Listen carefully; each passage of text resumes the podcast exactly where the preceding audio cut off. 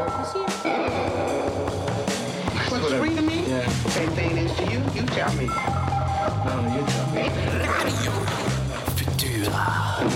is geen eenvoudige uitweg.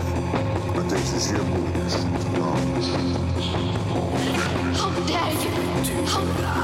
Our military has to be strengthened. De theaterbeleving is op deze manier ongelooflijk moeilijk.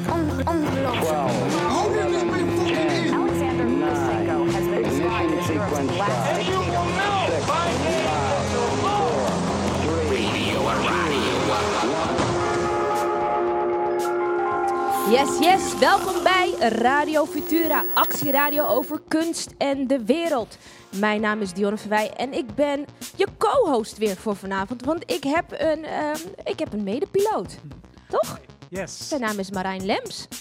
Maar straks daar meer over. Want samen met eh Gian van Gruswend, en ook dus Marijn nu vanavond, en natuurlijk Frascati maken wij elke woensdag, donderdag en vrijdag radio live vanuit Frascati 3 in Amsterdam. Naast dat je ons kan horen, kan je ons ook zien via livestream. Daar is de camera, we mogen één keer zwaaien. Voor de mensen thuis, dit is 30 seconden later. Dan weet je dat.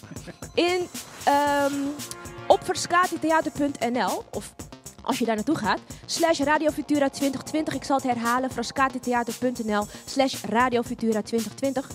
Kan je ons dus zien, dan ben je er net iets dichterbij. En het is ook gezellig. Het is altijd hier gezellig. Eh, maar wil je ons live, live zien, dus echt in levende lijven, wel op anderhalf meter afstand, dan mag je langskomen in de Nes, ten hoogte van eh, ongeveer 63, ergens in een steegje, staat een grote, zware, donkergroene branddeur. Klop er twee keer op en één keer zacht, zing een liedje, doe een pirouette en wij doen de deur voor je open, maar je mag ook gewoon bellen. Is ook gewoon makkelijker. Op 0648 678648. En dan mag je plaatsnemen. We hebben genoeg plaats, we hebben stoelen. Ehm, je mag ook voor DJ spelen, want we hebben een LP-speler. voor de mensen die nog weten wat het is. Maar we hebben ook gewoon een Spotify tracklist. Voor als je net iets meer van de digitale wereld bent. En er is een emmer. Waarom is er een emmer, zal je je afvragen? Nou, in de emmer staan een aantal blaadjes met quotes. Kijk, dit zijn ze. Ja, het valt eruit. Niet handig, Dionne. En daar mag je even van uitkiezen, oplezen en als discussievoer inbrengen. Kortom, veel mag, zolang je anderhalf meter afstand houdt.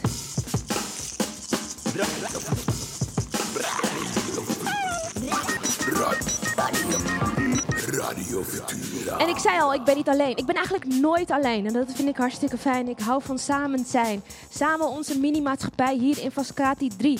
Ehm, zal ik even van rechts naar links beginnen? Dan neem jij hem over. Nou, ik heb hier Pieter Paul Pothoven. Dat is een beeldend kunstenaar. Activist, schrijver. Heel veel slashes heb je ook. Maar straks daar meer over. Ho- zeg eens even hoi Pieter Paul. Hoi, hallo. Heb jij erover nagedacht? Of hebben je ouders erover nagedacht om jou Pieter Paul Pothoven te noemen? Zo lekker, lekker tongbrekerig of lekker... Ik heb, ik heb het ze vaak gevraagd, maar nooit echt een bevredigend antwoord gekregen. Nee? Nee. Maar het komt je wel goed uit als kunstenaar, of niet? Eh, ja, als je het opzoekt, ik ben de enige. Ja. Ja, handig. Maar echt, er zijn heel veel rare woorden die met een P beginnen. En die heb ik echt allemaal gehoord in de afgelopen Nou, 40 jaar. Dus eh, zeker, ja. Nee hoor, maar prima naam. take it, take it. Ik vind het fantastisch. En naast Pieter Paul, back again, once again, Khadija Al-Mourabit. Dankjewel. Hi Khadija, Hi. welkom. Dank je. Je lippen kleuren bij je mic-kapje. Dankjewel. Het is handig. Allemaal zo gelopen, heb ik niet gepland. Maar ergens in het universum... eh, Is rood de kleur voor vandaag? Je bent welkom, nog steeds. hey, eh, naast jou weer. Of trouwens, voor de mensen die Khadija niet kennen. Ze is filosoof. En veel meer ook weer. Jeetje, we hebben echt... eh, we zijn de generatie van de slashes, toch? Dat was het. Khadija, straks meer over wie je bent en wat je kan? Nou, je hebt het eh, in ieder geval goed gezegd. Sowieso filosoof. Sowieso filosoof. Ja, sowieso. En veel meer. Achtergrond in brein en cognitie. Ik eh, werk als beleidsmedewerker op het vlak van het sociaal domein bij de gemeente Amsterdam. En eh, ik heb ook een documentaire gemaakt over mijn sterke oma die uit de Rif in Marokko eh, kwam. En dat, gaat, dat ging, of dat gaat, het documentaire gaat over genderongelijkheid. een heel erg gendered eh, related. buitenspace, zeg Ja. maar. Dus buiten en zo. En nog veel meer identiteit, familiebanden, sterke vrouwen. Heel veel. You heel veel it. dingen ernaast, dus die ga ik niet allemaal opnoemen. Helemaal prima. Of we komen er zo op. Maar naast jou, of tegenover mij, hebben we Marijn Lems. En eh, ik ken je als recensent of theatercriticus. Heb jij ook een aantal slashes? Ja, inderdaad. Ik werk ook als eh huisdramaturg bij het Huis Utrecht. Dat is een theaterwerkplaats eh, waar ik dus makers begeleid die in residentie, onderzoeksresidentie daar komen. Mhm. En als freelancer werk ik ook af en toe als, als presentator of moderator. Zoals in dit geval ook. Dus hartstikke bedankt voor de uitnodiging. Superleuk om Yo, graag gedaan. Het is een eer om naast je te... Nou, tegenover je te zitten. Straks meer. En als laatste, maar niet de minste, hebben wij kunstenares Marjolein van Heemstra. Welkom Marjolein. Dankjewel. Fijn om hier te zijn. Ja, zeker. Ik hou van Frascati. En Frascati houdt van jou. Gelukkig maar. Ja. Het is alles begonnen voor mij. Dus in dit zaaltje ook. Oh ja? Ja, mijn allereerste voordracht zelfs was hier in Frascati 3. Dus ik ben hier heel graag. Ja. Waar ging het over? Nou, de eerste voorstelling die ik maakte, die heette Astronaut. En dat is best wel grappig, want ik ben namelijk nu geen steek verder, zullen de mensen die mijn werk kennen dan denken. Ehm, maar dat, eh, dat ging eigenlijk over mijn oma, die, eh, die eh, afasie had en niet meer kon praten. En over het onvermogen om te communiceren als taal wegvalt. Yo, interessant. Ja. Ik wist niet wat afasie was. Tot aan eh, begin dit jaar ook. Oh ja? Want dicht Ja. bij mij eh, heeft een herseninfarct gehad. Ja. En ehm, het leek goed te gaan totdat er een heleboel dingen in haar wereld niet meer klopten. Ja. Zoals kleding in de koelkast. En, eh, Ja, ja het, is heel, het is een hele heftige aandoening. Ja. ehm, een andere keer daar ruimte voor. Laten we dat, hoeft gewoon. Dat- inplannen. Dat, heb ik allemaal en eh, nu gaan we het hebben over vooral polarisatie.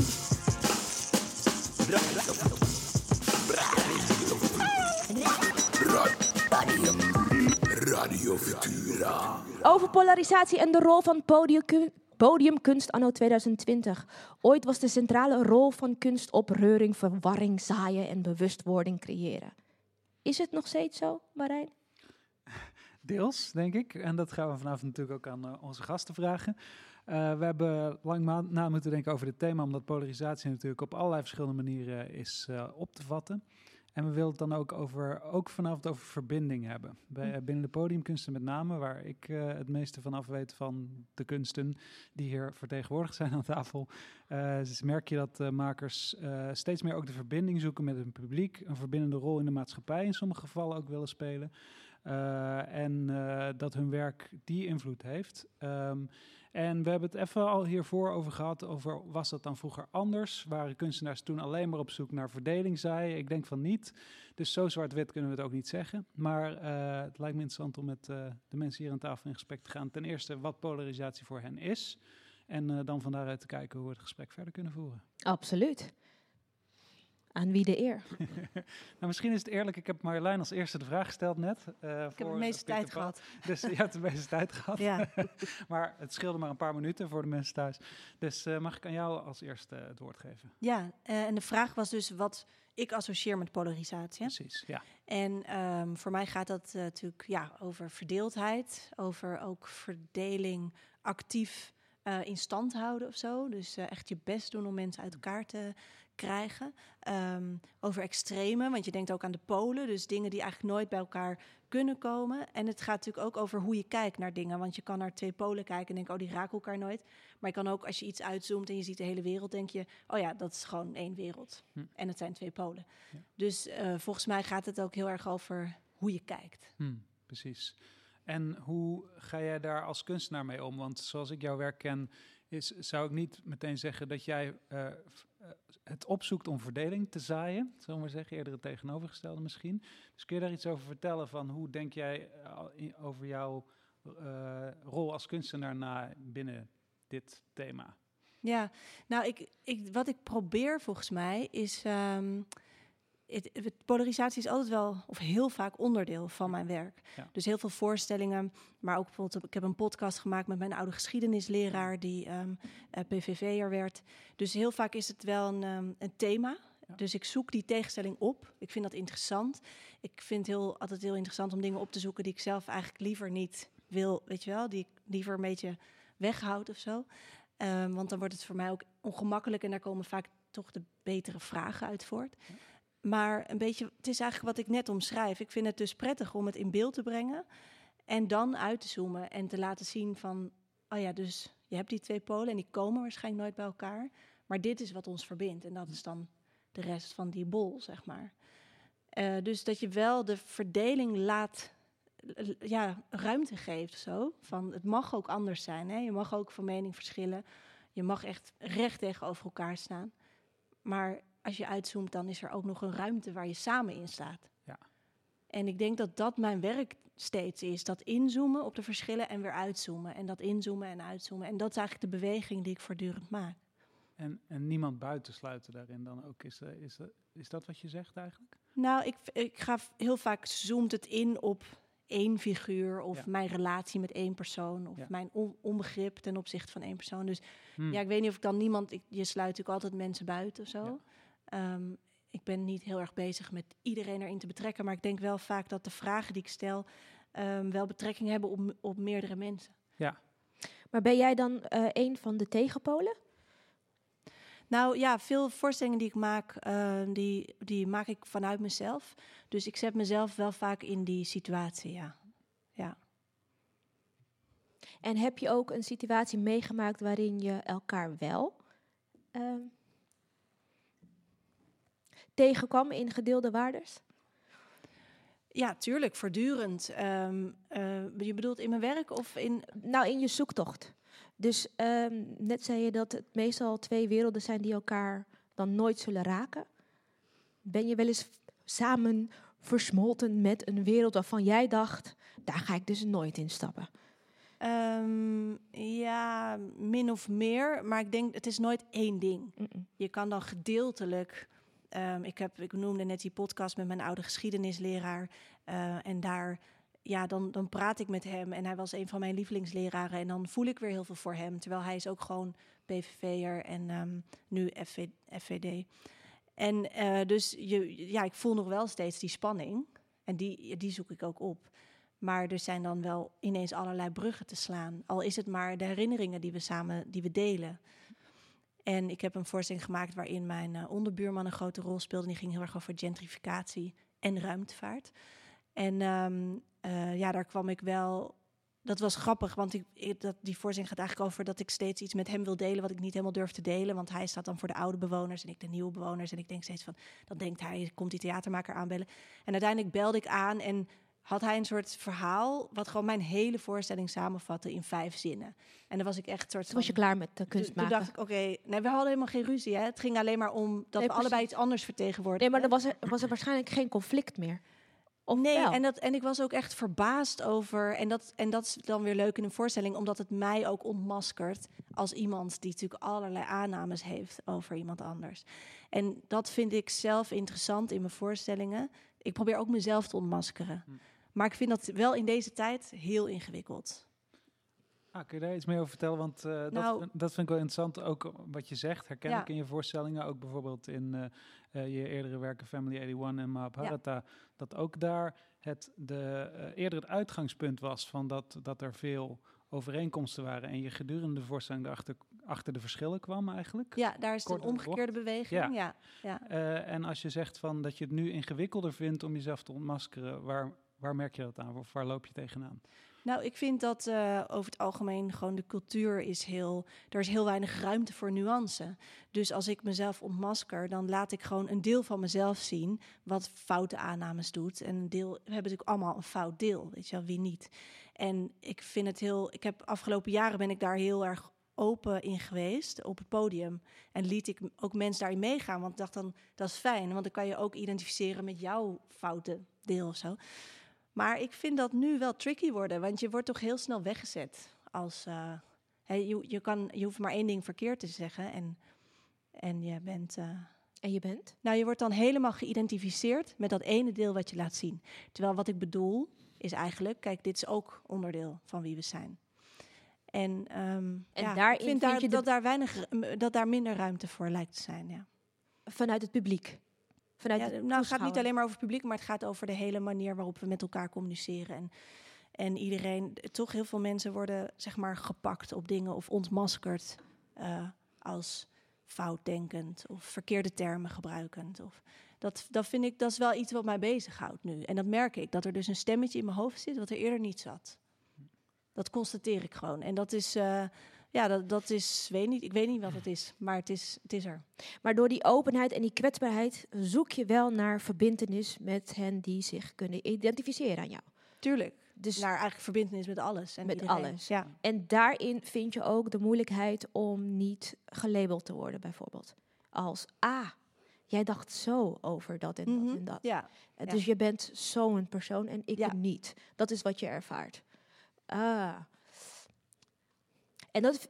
mm, Binnen de kunstvorm zelf ook. Want ik kan me ook gewoon heel goed voorstellen dat als je op, op het podium staat, heb je toch een jasje aan.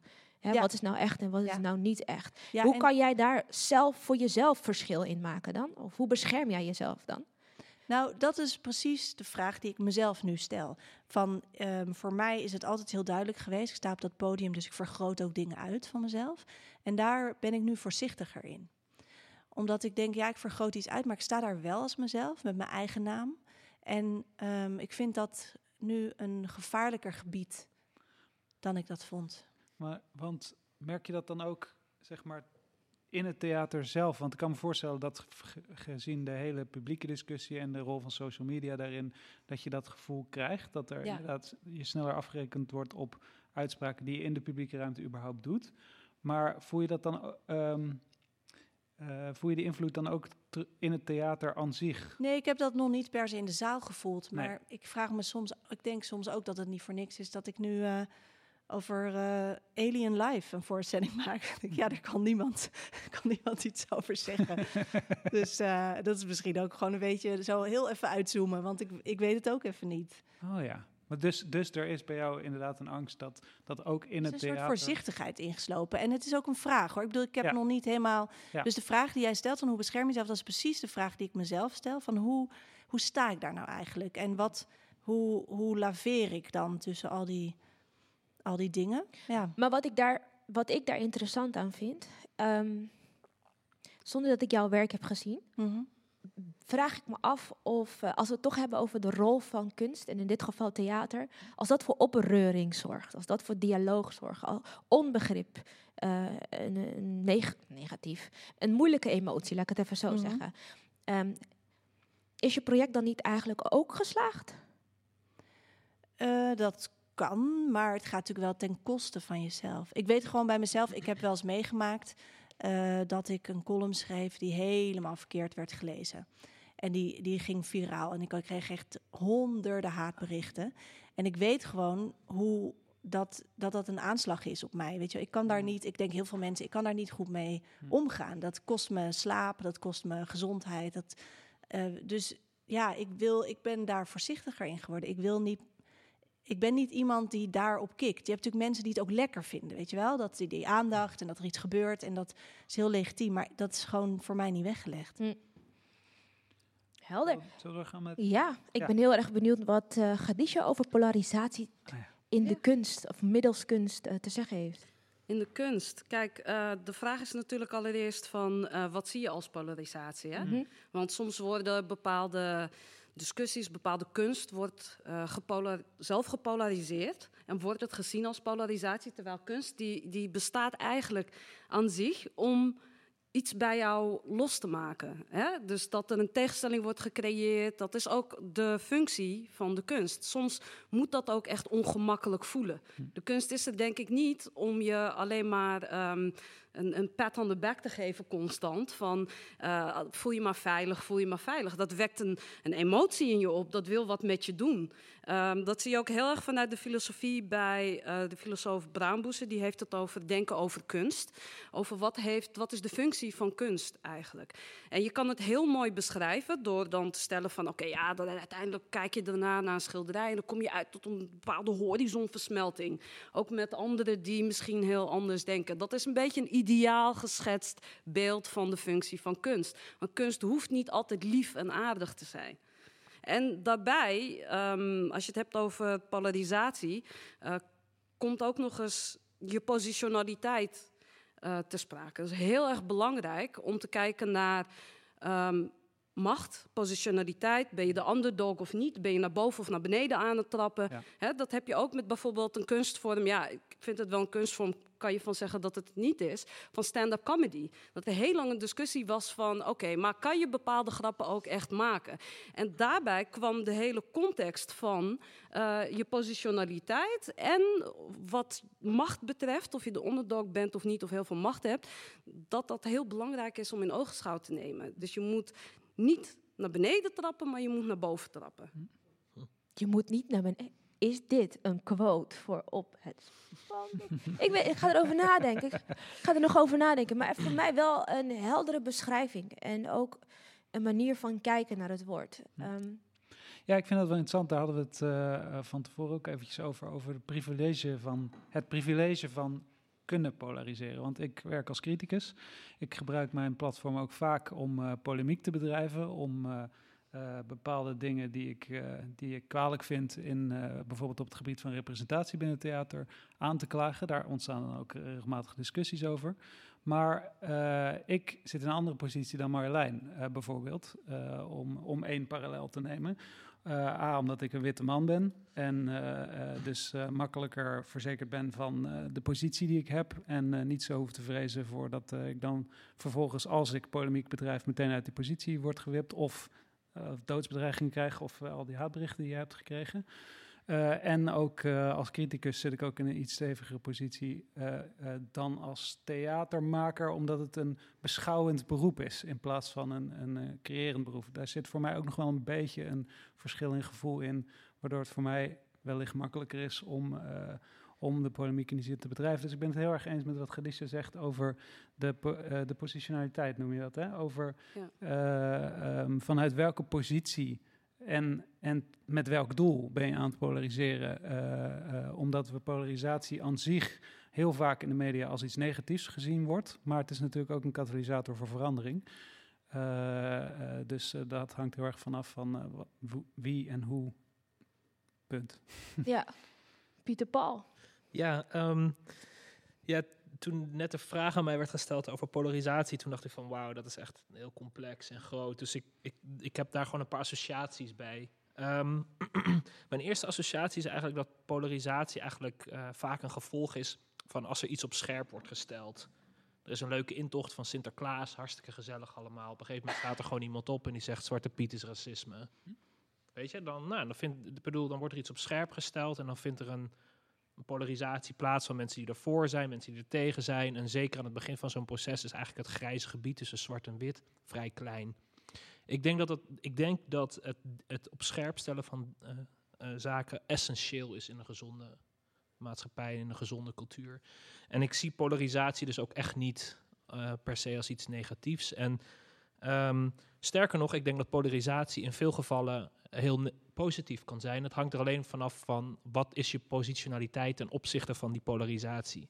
Als jij namelijk nooit bent gehoord of weet je, je, bent, je hebt nooit iets te zeggen, je hebt nooit een podium gehad. En door die polarisatie wordt dat ter discussie gesteld en aangetornd. Ik denk dat dat echt een heel goed en productief proces is. Ehm, ik denk wel dat er ook in polarisatie ook een, gevaar. En dat gaat eigenlijk eh, op het moment dat er verontmenselijkt wordt. Dus dat je op zover gaat met polarisatie, dus dat je iemand reduceert tot een terrorist, een ongedierte. Ik bedoel, hoe vaak eh, in processen worden mensen wel niet vergeleken met kakkerlakken, met whatever. Ik denk dat dat heel schadelijk is.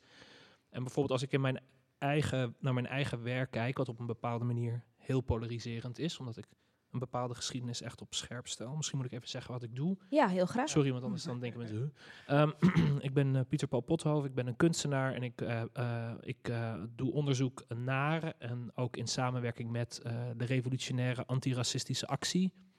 Dat is een verzetscollectief dat tussen 1985 en 1993, eh, 1993 17 aanslagen heeft gepleegd op bedrijven die financieel profiteerden van apartheid in Zuid-Afrika, maar die ook vochten tegen overheidsinstanties die ehm, verantwoordelijk waren en eigenlijk nog steeds zijn voor Nederlands immigratiebeleid. Ik heb besloten om een, een hun verhaal te vertellen vanuit hun perspectief. Dus ik werk ook echt samen met de activisten. Ehm, ja, dat is best een. Ja, daar- dat verhaal stelt dingen op scherp. Ehm, eh, dat, ik moet het even terugkoppelen. Ehm, Over had je over het. verontmenselijking. Ja, dit is een groep mensen die zijn eigenlijk. eh, mijn verhaal zoomt heel erg in op hun eerste aanslag. Dat is op 17 september 1985 op de macro in Dijvendrecht.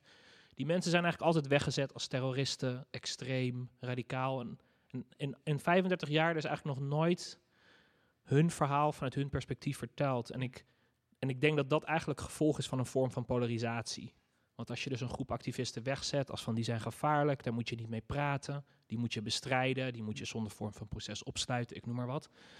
Eh, ik heb juist heel geprobeerd om die activisten, om daar weer een soort van mensen van te maken. Hm. Dus eigenlijk eh, die, die polarisatie tegen te gaan. Eh, dus, nou goed, dat waren een paar gedachten over, over polarisatie. Ja, heel helder. helder. Jouw eerste gedachte, die sloot nou aan op eh, die van Gadisha's. Eh, naar boven Ja. schoppen. Ja, dat is Eh. ook- dat is ook, ik moest ook heel grappig, want over positionaliteit. ehm, jij zei van ja, ik vind het heel. Iedereen is zo overgevoelig en ik vind het een beetje eng. I'm out of space. Of zo, weet je. En ik heb zoiets Oh ja. van. En ik heb echt zoiets van. Ik heb nog nooit zo sterk gehad van. Oké, nu ben ik er klaar mee. Nu gaan de handschoenen uit. En eh, weet je, oké, ja, kom maar op of zo. Nu gaan we gewoon. eh, strij- het- strijdbaarheid bedoel je ja, nu ja van het ijzer Ja. is nu heet, weet je. Mensen zijn op straat, mensen zijn het zat. Eh, steeds meer mensen spreken zich uit. Hm. Eh, weet je, de, de, de, ik bedoel, er zijn heel veel veranderingen, zijn maar symbolisch, maar toch zijn toch veranderingen. Hm. Nu is het tijd, weet je wel. Als, en ja, en, ik bedoel, ik heb een podium, ik, mijn werk is op dit moment in het stedelijk te zien. En ik had echt voor het eerst gewoon zo no fear, gewoon Hm. vol erin. Ja. En kom erop en dan weet, zoiets van. Het ijzer is heet. Maar Ja, je ziet, Omdat je- heet, je ziet dat ook, eh, Ja. Je ziet dat ook heel erg sterk terugkomen in bijvoorbeeld de recente Black Lives Matter beweging. Mhm. Ehm, in Amsterdam-Noord bijvoorbeeld heb je een mural die, ik weet even, ben even de naam vergeten wie dat heeft gemaakt, waar eh Afro-Amerikaanse. Afro- Afro-Amerikaanse slachtoffers van eh, de Amerikaanse politie op zijn geschilderd, zoals Breonna Taylor, et cetera. En ik Ja, weet Brian- niet of Brian Elstak heeft dat daar toch- iets... Ja, heeft dat precies. gehad, toch? Dus- Ja. En, en dat is dan een vorm van, oké, ja, decente kunst, eh, waarmee toch wel ehm, een belangrijk maatschappelijke, maatschappelijk pijnpunt wordt eh, vertoond en, en aangekaart. Dus die, die rol heeft kunst ook. Ehm, wat jij ook zegt, inderdaad, dat jij daar gewoon bepaalde pijnpunten uit de samenleving eh, vanuit een groep die bijvoorbeeld gemarginaliseerd wordt, of gewoon ehm, een bepaalde tijd waarin, eh, zoals wat je nu ziet met de pandemie, is dat kansongelijkheid en armoede, et cetera, dat dat allemaal nog uitvergroot wordt en nog groter wordt. Die, die afstand tussen, tussen mensen die, die in een wat betere positie, positie zitten en anderen die dat niet hebben. En, en je ziet dat kunst daar ook een rol in heeft. Om juist die dingen die heel moeilijk te zeggen zijn, om dat, dat, om dat te tonen. Ja. Maar ik denk dat het, of eh, zou jij daarop kunnen reageren Marjolein? Want ik denk dat jij in jouw werk ook juist pijnpunten in de samenleving probeert te identificeren. Zeker, zeker. En als reactie op eh, wat Pieter Pan net zei, het is eh, inderdaad zo dat ik nu zo even naar boven beweeg, bird eye view. Maar het is wel grappig dat ik kan me nog herinneren dat ik, ehm, weet ik veel, 15 jaar geleden zo'n interview had in de Volkskrant en dat ging dan over idealisme. En dat mij ook echt werd gevraagd van, maar maak jij dan idealistische voorstellingen? En dat was toen echt een soort van Ja. Not done of zo. En ik heb ook wel het gevoel dat die strijdbaarheid, die heb ik heel lang in mijn werk gehad. Ik stond echt heel, altijd zo te schreeuwen op het podium. ik, een vingertje voor de mensen die luisteren. En ehm, ik merk ook dat ehm, nu, ik, nu ik voel dat dat eigenlijk in de samenleving meer gebeurt, dat ik ook zoek naar, oh ja, wat zou dan nu geluiden kunnen zijn die ook nodig zijn, weet je wel? Dat je ook een beetje van, oh ja, dat, dat wordt nu al heel veel gedaan. Dus dat voelt ook een beetje gecoverd of zo. En ik ben eigenlijk nu op zoek naar ja, sorry, ik blijf erop terugkomen, maar zeg maar die wereldbol en die twee polen. Ik heb dus het gevoel dat, dat het heel, het is heel zinnig om steeds die verschillen te laten zien. En het is heel zinnig voor allerlei emancipatieprocessen. Maar tegelijkertijd, en echt, echt tegelijkertijd, moeten we een gedeelde taal blijven vinden. Anders heeft het geen zin om te emanciperen. Want dan is er niks, dan is er daarna niks. Dus ik vind het zo belangrijk dat we in al die processen die nu gaande zijn, waar, waar heel goed werk wordt geleverd, dat ondertussen wordt gezocht naar gemeenschappelijke taal en gemeenschappelijke grond. En dat is eigenlijk wat ik heel erg zoek nu in die ruimte en in die tijd waar ik nu zoveel onderzoek naar doe. Dus ik ben bijvoorbeeld een sterrenwacht aan het oprichten in Amsterdam Noord. Waar ik eigenlijk met allerlei soorten buurtbewoners naar de sterren wil kijken. En dan gaat het niet meer over. Ze hebben allerlei identiteiten, maar daar gaat het niet over. Want we verenigen ons eigenlijk onder de sterren. Dat is wat we delen, dus over dat gedeelde uitzicht. Maar je bedoelt dan dus niet gemeenschappelijke taal over de zaken die tot polarisatie leiden, namelijk het identiteitsdiscours op dit moment bijvoorbeeld, Mhm. maar daarbuiten. Allebei, allebei Oké. eigenlijk. Ja. Ja. Want, want hoe doe je dat tweede dan in je, in, je of eh, tenminste doe je dat tweede ook in je werk, een gemeenschappelijke taal voelen, eh, vinden juist over eh, de zaken die, die polarisatie tot gevolg hebben? Nou, in mijn laatste voorstelling, die niemand heeft gezien en niemand gaat zien waarschijnlijk, eh, gaat het heel erg over. eh, eh, Sorry, hoezo? Nou ja, nee, het is iets, een soort virus. maar maar die is helemaal afgelast, bedoel ik? nee, ja, ik heb hem, we hebben hem zeven keer gespeeld, maar ik weet niet, dat, ik weet niet of dat nog. We staan met negen. Ik dacht, ik ga een keer iets groots doen. Ja. Maar dat is dus met negen man. Dus dat, Shit. maar dat, dat gaat heel erg over, eh, over tijd en ehm, hoe wij vastzitten in, in onze eigen tijd. En eigenlijk steeds weer in eigen eindtijd, elke generatie opnieuw. En, en wat er zou gebeuren als we meer zouden uitzoomen en, en veel meer zouden zien van, oh ja, wat voor verschillende soorten tijden leven we allemaal. En nou, dat is bijvoorbeeld, daar zoek ik heel erg naar een taal. En ik ben voor de correspondent een boek aan het schrijven over die gedeelde tijd en gedeelde ruimte. Heel mooi. Ik denk dat we, dat we er gewoon een muziekje in gaan gooien. Omdat het gewoon kan. Omdat we nu ervoor kiezen, voor deze tegenstelling. Ehm, ik heb gekozen voor Baby Let Me Kiss You van Vern Kinney. Ik weet niet of jullie die kennen. Nou, dan gaan we er gewoon naar luisteren, toch? Take it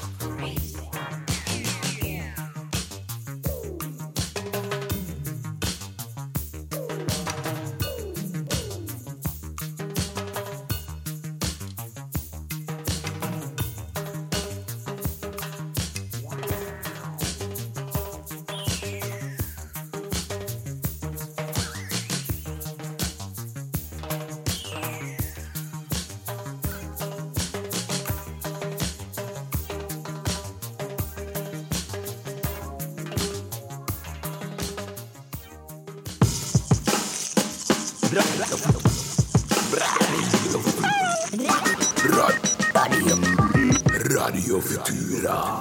Radio Futura, we zitten nog steeds in Frascati 3. En we hebben een gezellig, maar toch sterk clubje hoor. Ik heb aan mijn rechterkant heb ik Pieter Paul. Ik heb Gadisha, tegenover mij zit Marijn. En naast mij, linkerkant, is Marjolein. En we hebben het over polarisatie. En we hebben net een ieder gevraagd, wat betekent polarisatie voor jou? En eh, hoe ga je ermee om? Ehm, we zijn geëindigd met Marjolein, waarin zij eigenlijk eh, vertelde over haar voorstelling die niet gespeeld gaat worden. Nou, die gewoon heel weinig mensen zien. Maar dat was een, even een soort grap van Was een grap. Corona. Ja, Ja. Niet, uit. niet belangrijk. Maar wel over je, ehm, je nieuwste fascinatie, over het verenigen en samen kijken naar iets wat buiten ons staat, letterlijk. Mhm. Eh, en daarin eh, de, de schoonheid ervaren. Ja. En toen eh, schoot er een vraag bij mij te binnen, maar ik Ja. dacht, we gaan toch even naar een nummer luisteren. Maar dan ga ik het toch nog even vragen.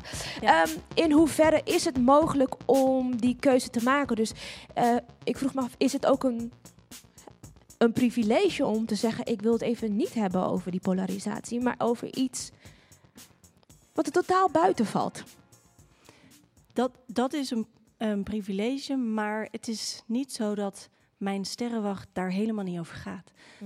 Eh, wat ik alleen voel in al deze discussies, ehm, en wat ik net al even zei, is dat ik heel veel heb gepreekt afgelopen jaren.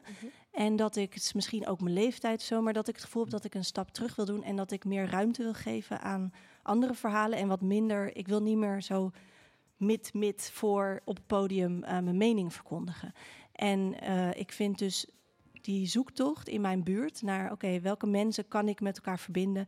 Waar kan ik iets betekenen voor hun? Een soort heling of gesprek of verhalen eh, ophalen. Ja, daar, da- ik merk gewoon dat ik in zo'n soort fase ben. En ik denk ook dat het komt door alle discussies. En dat ik denk, ja, moet mijn stem hier nog bij? Weet je wel, wat, wat, ja, wat moet ik nu zeggen? Misschien wel even niks. Eh, maar ik kan wel nog dingen maken. En ik heb wel fascinaties. En ik kan wel, ik heb de middelen. En ik heb inmiddels de ambacht om verhalen vorm te geven. Dus het is meer een verlangen om eh, iets meer ruimte te maken dan ruimte te nemen, zeg maar. Ruimte maken in plaats van ruimte nemen. Gadisha, Ja. volgens mij eh, wilde jij hierop aanhaken? Ja, kijk, ik denk dat het eh, soms echt ervan afhangt of je een bepaalde identiteit hebt waar je aan bepaalde dingen niet kan ontkomen. En ik kan dan, eh, je noemde al de Zwarte Piet eh, eh, eh, situatie, discussie, eh, Pieter. Ehm, en ik weet dat eh Chris Gario bijvoorbeeld, die is ooit begonnen met Zwarte Pieters racisme op een t-shirt bedrukken als kunstenaar. En zo is die hele discussie begonnen. En ik kan me voorstellen dat als jij een zwart persoon bent, ja, en elk jaar krijg je weer dat blackface feest, dat je daar constant, constant mee wordt ehm, overspoeld elke keer. En, en, en, dan heb ik, en dan heb ik niet eens 1% verteld van wat iemand bijvoorbeeld meemaakt. Ik bedoel, dat, en dan denk ik dat je als je dan kunstenaar bent, hè, dan kom je gewoon niet aan bepaalde eh, zaken aan de kaak stellen. Dat, gaat, dat grijpt zo in in je leven. En kunst is dan een manier, zoals Cario dat ook gedaan heeft, om dat in de, in de samenleving, om daar maatschappelijke discussie over te creëren.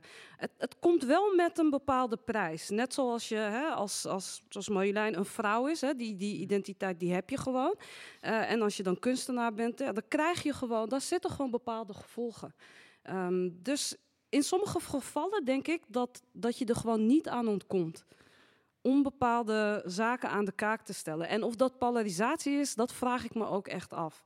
Want soms is het gewoon een wrijving in de samenleving. En zonder wrijving heb je ook geen groei soms. Dus soms moet het schuren. Zonder wrijving geen glans. Ja, zonder wrijving geen gal. And we need shine, baby. Ja. Yes. Want eh, hoe, hoe is dat voor jou zelf, Gadisha? In je, in- je bent natuurlijk ook dichter, maar je bent ook eh, fractiemedewerker van GroenLinks. Ja, Dat zijn twee verschillende manieren om, eh, om wellicht een noodzaak in te verwerken. Dus ja zeker. wat, wat is die noodzaak voor jou? En kun je, is dat ook inderdaad iets on, onontkoombaars voor jou? Ja, zeker weten. Want kijk, het is onontkoombaar om de verschillende identiteiten, de intersecties die ik heb. Ik, ik ben Marokkaans-Nederlands, geboren en getogen in Amsterdam. Eh, ik ben vrouw. En er zijn nog een tig an- aantal andere ehm, intersecties die ik kan opnoemen, waardoor ik niet ontkom aan eh, een vorm van polarisatie, omdat ik ook zelf een, als onderdog in een gepolariseerd debat word geplaatst. Dus daar, daar, mijn positionaliteit wat dat betreft speelt al een rol. Ik zeg niet dat dat gepola- gepolariseerd debat dat dat fout is vanuit links, of, maar ik heb het over wat eh, Karl Popper ook zegt, van de paradox of tolerance, dat je soms intolerant moet zijn om de democratie, democratie te waarborgen, omdat er een groep mensen is die van, van binnenuit de democratie zal uithollen wanneer zij doorgaan met bepaalde eh, zaken stellen. En dan heb ik het over, eh, misschien, ja, je kan zeggen neonazies of wat dan ook. Hè, dat soort mensen, die groepen, die zijn er niet om een eh, verbinding mee te vinden. Want dat kan ik mij niet permitteren, omdat zij mij, eh, mijn destructie willen. Zij willen mij niet. Ik ben een homeopathische uitdunning. Ik ben hè, al die dingen die er gezegd worden, ik hoef het hier niet te herhalen. Dus eh, ja, je, ik kom dat tegen in mijn werk. Je ziet dat in het politiek debat terugkomen. Dat wordt gebruikt door rechts ook heel erg op een negatieve manier. Maar aan de andere kant heb je bijvoorbeeld Chantal Mouffe. Dat is een eh, politicoloog, filosoof. Die heeft een boek geschreven wat eh, voor left populism heet dat. En daarin komt polarisatie ook in terug. Waarin zij ehm, het van een andere kant bekijkt. Dus ook dat het soms moet schuren en dat dat belangrijk is voor Mhm. groei. Dus, dus ik kom het absoluut tegen in mijn, eh, in mijn werk. En soms is het echt polarisatie in negatieve zin. En soms is het een een, een, een uitvloeisel van een samenleving waarin je democratie hebt, waarin je verschillende partijen hebt die er anders over nadenken hoe een samenleving ingericht zou moeten worden of hoe politiek bedreven moet worden. En dat botst. En de, en de kunst is dan om het onderscheid te kunnen maken tussen wanneer is het negatieve polarisatie en wanneer is het een discussie die gaat leiden tot groei, tot verandering in positieve zin. Heb je daar eh, goede voorbeelden van, Marijn? Jij hebt wel eens voorstellingen gezien waarvan je dacht, nou, dit is voor discussie en hier gaat groei uitkomen. Ja, eh, ja, zeker. De afgelopen jaren zijn er eh, regelmatig voorstellingen gemaakt. De bekendere voorbeelden zijn bijvoorbeeld uh, Seat at the Table van, van Saman Amini, eh, Melk en Dadels en eh, Nobody Home van Daria Bukvic. Eh, dat zijn voorstellingen die niet alleen in de theatersector enige bekendheid hebben genoten, maar ook daarbuiten veel media-aandacht hebben gekregen. Die aan de kaak stellen wat het betekent om iemand, een niet-wit persoon eigenlijk in de Nederlandse samenleving te zijn. Die dat op een hele heldere en ook confronterende manier hebben gedaan. Daar zit nog misschien wel een beetje een verschil in tussen Nobody Home, een voorstelling die ik niet heel confronterend vond, die misschien nog wat vriendelijker was dan de aanpak die eh, Saman Amini in een Seat at the Table heeft gehanteerd. En ik denk dat allebei die aanpakken heel erg nuttig zijn. Eh, eh, maar zeker bij eh Seat at the Table dat daar echt iets dan gaat schuiven. Omdat er ook ruimte wordt gecreëerd voor echt het eigen perspectief... dat niet eh, aangelengd wordt voor een, voor een wit publiek. En dat zie ik steeds meer gebeuren. Ja, daar kun jij misschien ook over meepraten. Je bent, hebt natuurlijk Sir Duke bij Orkater... die ook eh, een aantal eh, eh, thema's heeft aangesneden... die in het Nederlands theater nog niet eerder te zien waren. Mhm. Eh, eh, dus, eh, ja, dus ik kan de vraag ook aan jou stellen. hoe, hoe, was dat voor, hoe is dat voor jou? Of hoe zie jij je eigen positie daarin? Ehm, nou, even terugkomend op ehm, hoe het is als kunstenaar om een noodzaak te voelen en daar eh, middels theater je, over, je mee uit te spreken, zeg maar. Dat ik nooit het idee heb gehad dat ik anders kon. Hm. En ehm, dat wil niet zeggen dat ik het niet wist, maar ik stond er nooit zo sterk bij stil. Tot aan de laatste jaren. Ehm, vooral wanneer het lukt. Dus je maakt de voorstelling, het komt goed aan. En met goed bedoel ik, het komt aan. Dus het communiceert. En hoe men daarop reageert, dat is het tweede. Ehm, wat het teweeg kan brengen, dat is mijn drugs. Als ik beweeg en ander dan daardoor doen bewegen, dan is mijn doel geslaagd. Welke kant we oplopen, dat maakt mij niet uit. Als we maar bewegen. Nou, het maakt me wel uit. Het liefst de kant op wat ik, wat ik adviseer. Maar als dat niet zo zou zijn, dan weet ik zeker dat eh, de andere kant op ehm, waarschijnlijk een, eh, een doodlopende straat zal zijn. Omdat je dan terug in de tijd moet en dat kan nog steeds niet. En eh, als ik een voorwaartse duw wil geven en daarmee polariseer, dan ehm, doe ik dat ten goede van die shine. En gaat het bij mij denk ik over eh, ehm, ehm, gaat het voor mij over. eh, nou ja, ik, ik, ik, ik, ben, ik doe snel op onwetendheid van de mens. En daarin wil ik informeren, naast entertainen.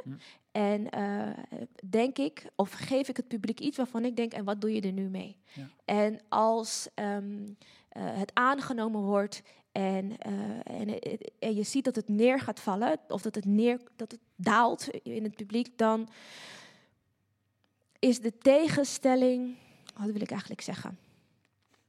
Dan is het product geslaagd. Hm. En ik, ik, ik, ik kan niet anders dan dat wat mij bezig had, dat wat, wat, wat Khadija zo vertelde, kan ik niet, ik kan het niet in mijn nachtkastje stoppen. Hm. Dus als ik, dat, als ik geen theater zou maken, zou het betekenen dat ik in een wereld zou leven waarin ik dat niet meer aan de kaak hoef te stellen. En ehm, als die wereld er zou zijn, dan ben ik koekenbakker of zo. En ga ik gewoon Maar dus dat, dat betekent dat je echt denkt dat zonder, zonder die thematiek zou je niet maken. Klopt. Hm. Ik zou niet eens. Nee, ik zou geen kunstenaar zijn, denk ik. Maar je kan het je ook gewoon misschien niet voorstellen, toch? Dat Absoluut. het, bedoel, Helaas niet. nee, het is... Helaas niet. En dat wil niet zeggen dat dit een straf is om te doen. Helemaal niet. Ik vind het heerlijk om kunst te maken. En ik vind het heerlijk om, om verhalen te vertellen die een extra ehm, perspectief bieden op ja, dat wat we nu kennen. mhm. Ehm, vooral als het lukt. En, maar ik, eh, ik zie het wel als mijn lot. Dat ik Je moet. tot zover het nog nodig is, dat ik Ja. dit ga doen. Eh, en dan kan de discipline misschien nog wel veranderen. Maar ehm, Is dat ook... ik kan niet bijvoorbeeld uit mijn huid stappen. Mhm. Nee. En in die zin maak ik genoeg mee om... I got stories for days, laat ik het even zo zeggen. Dus dan is het ook gewoon... eh, Ja. Het is je archief, eh, het is je bron en daaruit maak je. Ja. Dat is ook wat jij zei, toch?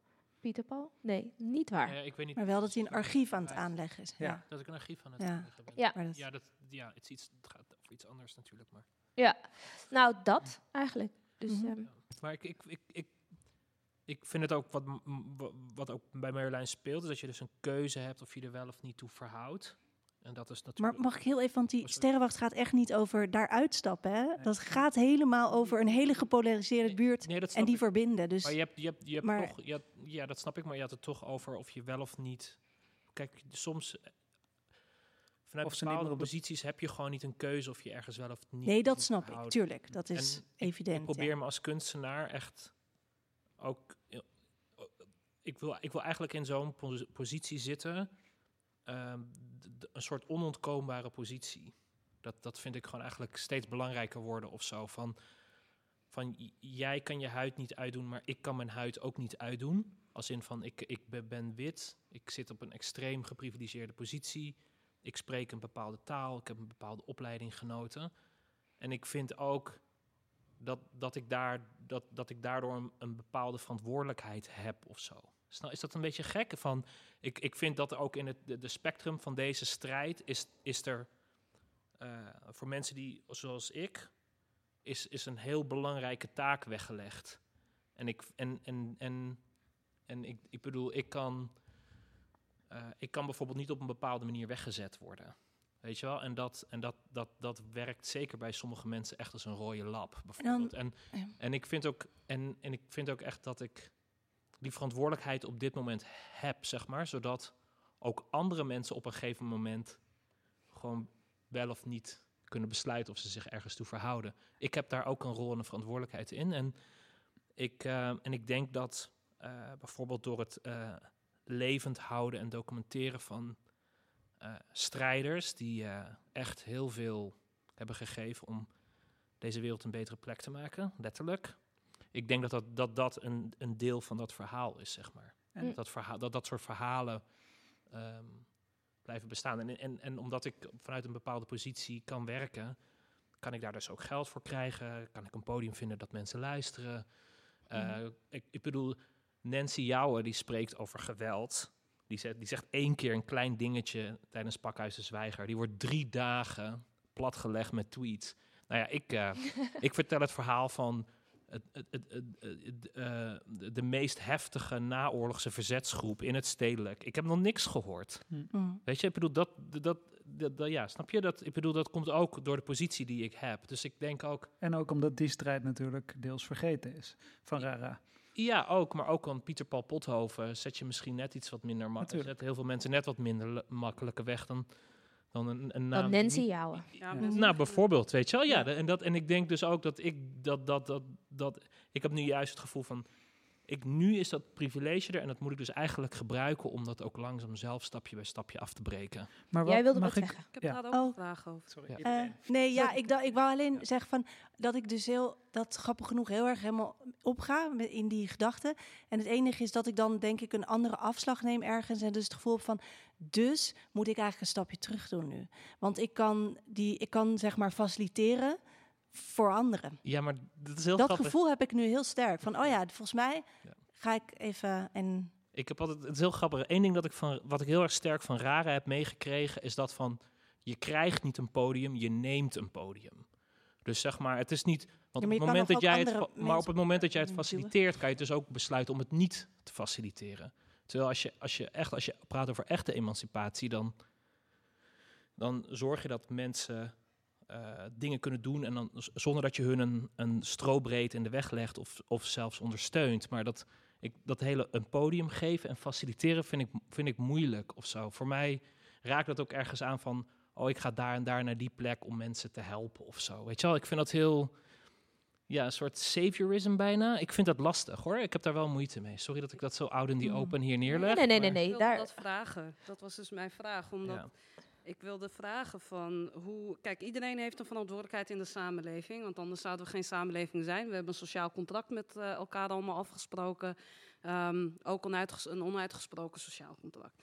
De vraag is dan, als je je zo verantwoordelijk voelt... en je bent je bewust van je positie en je privileges, et cetera... en ik vind het heel erg interessant... en het feit dat je ook zelf white saviorism zegt... Mijn vraag, wat ik eigenlijk wilde stellen, en waar de discussie eigenlijk al een beetje op, eh, of niet discussie, maar het gesprek al een beetje aanraakte, is hoe zorg je er dan voor? Want Marjolein zegt, ja, ik faciliteer. Ik creëer een plaats, een space, een plek, waarin andere mensen zelf een stem hebben en de ruimte nemen om, dat, om daar de dingen te zeggen die ze willen zeggen. Jij zegt, ik voel een bepaalde verantwoordelijkheid. Ik ben daar verantwoordelijk voor. Ik ben me bewust van mijn privileges. En dat zet ik dan in, omdat ik me verantwoordelijk voel. Mhm. Omdat ik ook iets moet doen ehm, in de samenleving om het beter te maken, toch? En dan was mijn vraag eigenlijk, en dat was voordat Marjolein wat zei, en voordat je zelf het woord white saviorism liet vallen. Hoe zorg je er dan voor als persoon met een, een, een witte identiteit, een blanke identiteit, maakt mij niet uit, maar je weet wat ik bedoel over die positionaliteit. Hoe zorg je ervoor dat je niet vervalt in white saviorism? Hoe zorg je ervoor dat je stemmen uitvergroot en niet inderdaad plaatsneemt op een plek waar je eigenlijk niet zou moeten zitten, omdat je die eigenlijk over moet laten aan degene waar het over gaat? Hoe zorg je daarvoor? En ik beticht hier niemand van white saviorism. dat Nee, nee, maar dat is, hele, dat is een enorm ingewikkelde vraag natuurlijk. Ja. Van dat, want ik heb dat eigenlijk in mijn werk is dat heel vaak onderdeel van. Ja, Marijn heeft heel veel voorstellingen van mij gezien. Is dat ook vaak echt een thema? Ik heb een hele voorstelling gemaakt over eigenlijk wit privilege toen die term nog niet bestond. Weet je, Family 81. En Ehm, Mahabharata eigenlijk ook. Mahabharata ging daar ook over. Ja, dus dat, dat is iets wat me heel veel bezighoudt. En waar ik de afgelopen jaren... Dat is ook een beetje... Ik weet het niet. Het, het gaat toch echt over een manier van ruimte nemen. Of ruimte geven. En ruimte nemen voor een ander. En, en, eh, het gaat, maar het gaat ook over praktische dingen als gelijke betaling. Weet je wel? En iemand daarin heel serieus nemen. En de gesprekken daarover voeren. En, ehm, maar daar is natuurlijk niet een eenduidig antwoord op. Want het is ook per project. Dus volgens mij de hele tijd maatwerk. En altijd denken, oh ja, hoe zit dit? Ik heb een voorstelling gemaakt met mijn Afghaanse oppas bijvoorbeeld. Ehm, en die had eh, net een verblijfsvergunning. En die wilde ik helpen om haar leven in Nederland op poten te krijgen. En dat mislukte volledig. Want dat kan ik helemaal niet. En eigenlijk toen heb ik dacht, het enige wat ik kan doen is een voorstelling met haar maken. Dus zij, want dan heeft ze een baan, dan gaat ze mee op tournee, ze leert Nederlands. En ze kan alles zeggen wat ze wil in die voorstelling tegen mij. En dat werd een hele, ja, ik vond dat een hele fijne voorstelling, omdat zij ook heel scherp was op mij. En mij echt, ja, jij hebt hem gezien, maar ze spaarde mij echt voor geen millimeter. Dus het was de hele tijd zo, oké. Ehm, waardoor zij ook de lieveling was eigenlijk van die voorstelling. Zij was die voorstelling. Die voor, dat was gewoon haar hit. En ik denk dat het in die voorstelling gelukt is. En soms, eh, soms lukken dingen niet. En, durf, en durven struikelen ook daarin, denk Ja. ik. Dat dat super Maar en dat is waar ik net ook op, op doelde, weet je wel. In die voorstelling ben ik ook echt lelijk. Want zij ontmaskert mij ook en ik laat me ontmaskeren. en dat vind ik, dat zijn hele kwetsbare dingen. Want je doet dat, weet je wel, voor een publiek. En dat, zou, dat, vind, ik, dat vind ik enger worden. Dus het gaat ook over een kwetsbare positie. Het gaat over on, oncomfortabelheid. Het Ja, gaat over jezelf, zoeken, ja. mogen vallen, Ja. eh, toegeven. ehm, of je ernaast zat of niet. Ja. Ehm, dat weer hardop uitspreken, nog een keer zoeken. Ja. Eh, wat ik denk, in het, het is een super moeilijke vraag, maar het is wel een hele nodige vraag. Dat doe jij. Dat soort Nee, dingen heel- doe jij. heel belangrijk, Ja, ja, ja, ja. Kijk, deze is voor jou.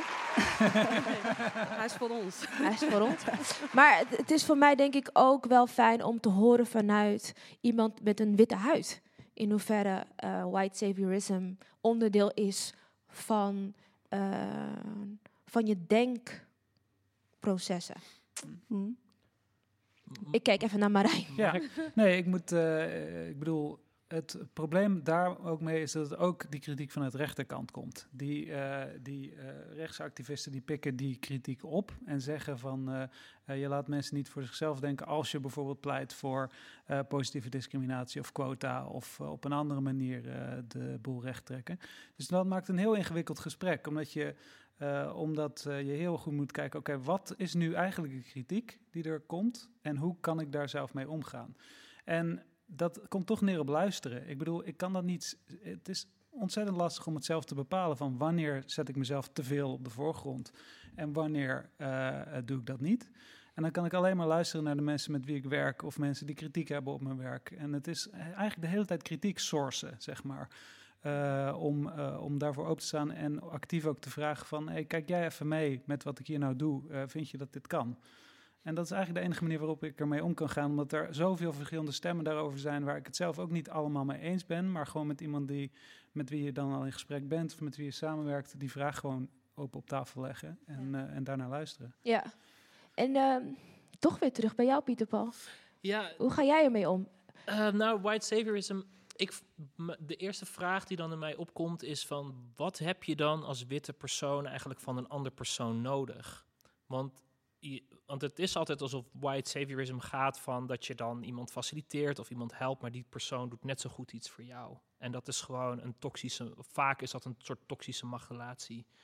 En...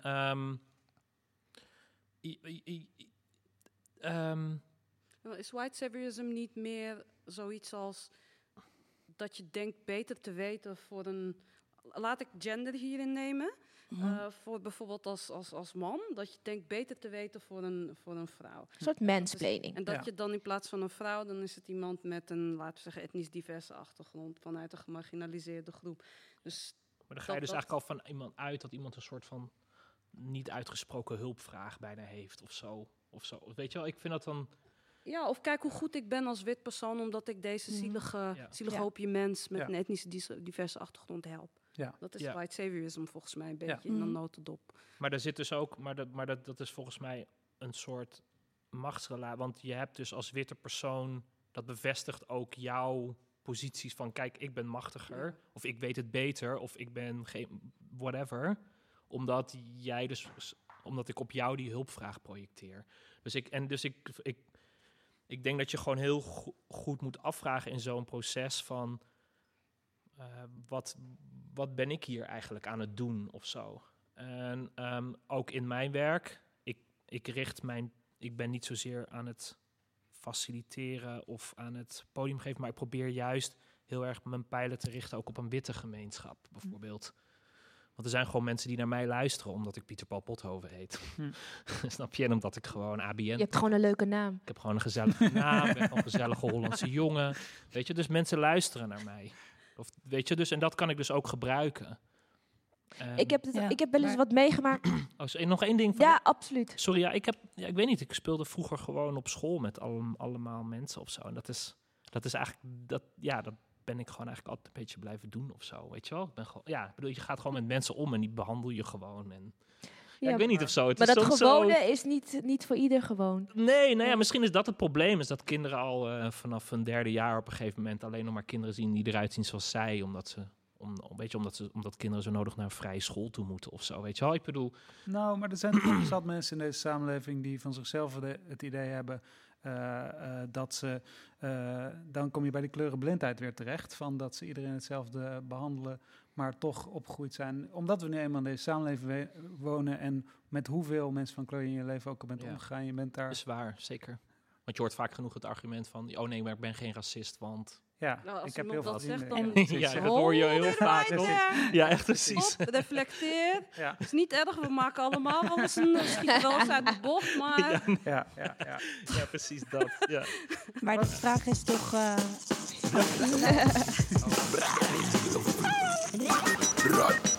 Nou, Radio Futura. dat is wel... Nee, helemaal geen eh, journaal. Het is gewoon een, eh, een onderbreking, omdat ik gewoon ook wat lucht nodig heb. Oh, sorry. En ik heb een slokje water nodig. Dus ik zet even een nummertje aan. Eh, deze heet Dance van ESG. Het is trouwens een, een tracklist van Leon Bril. Hij heeft ook de muziek voor deze radio gemaakt. Dus daar gaan we eventjes naar luisteren. En dan komen we weer terug.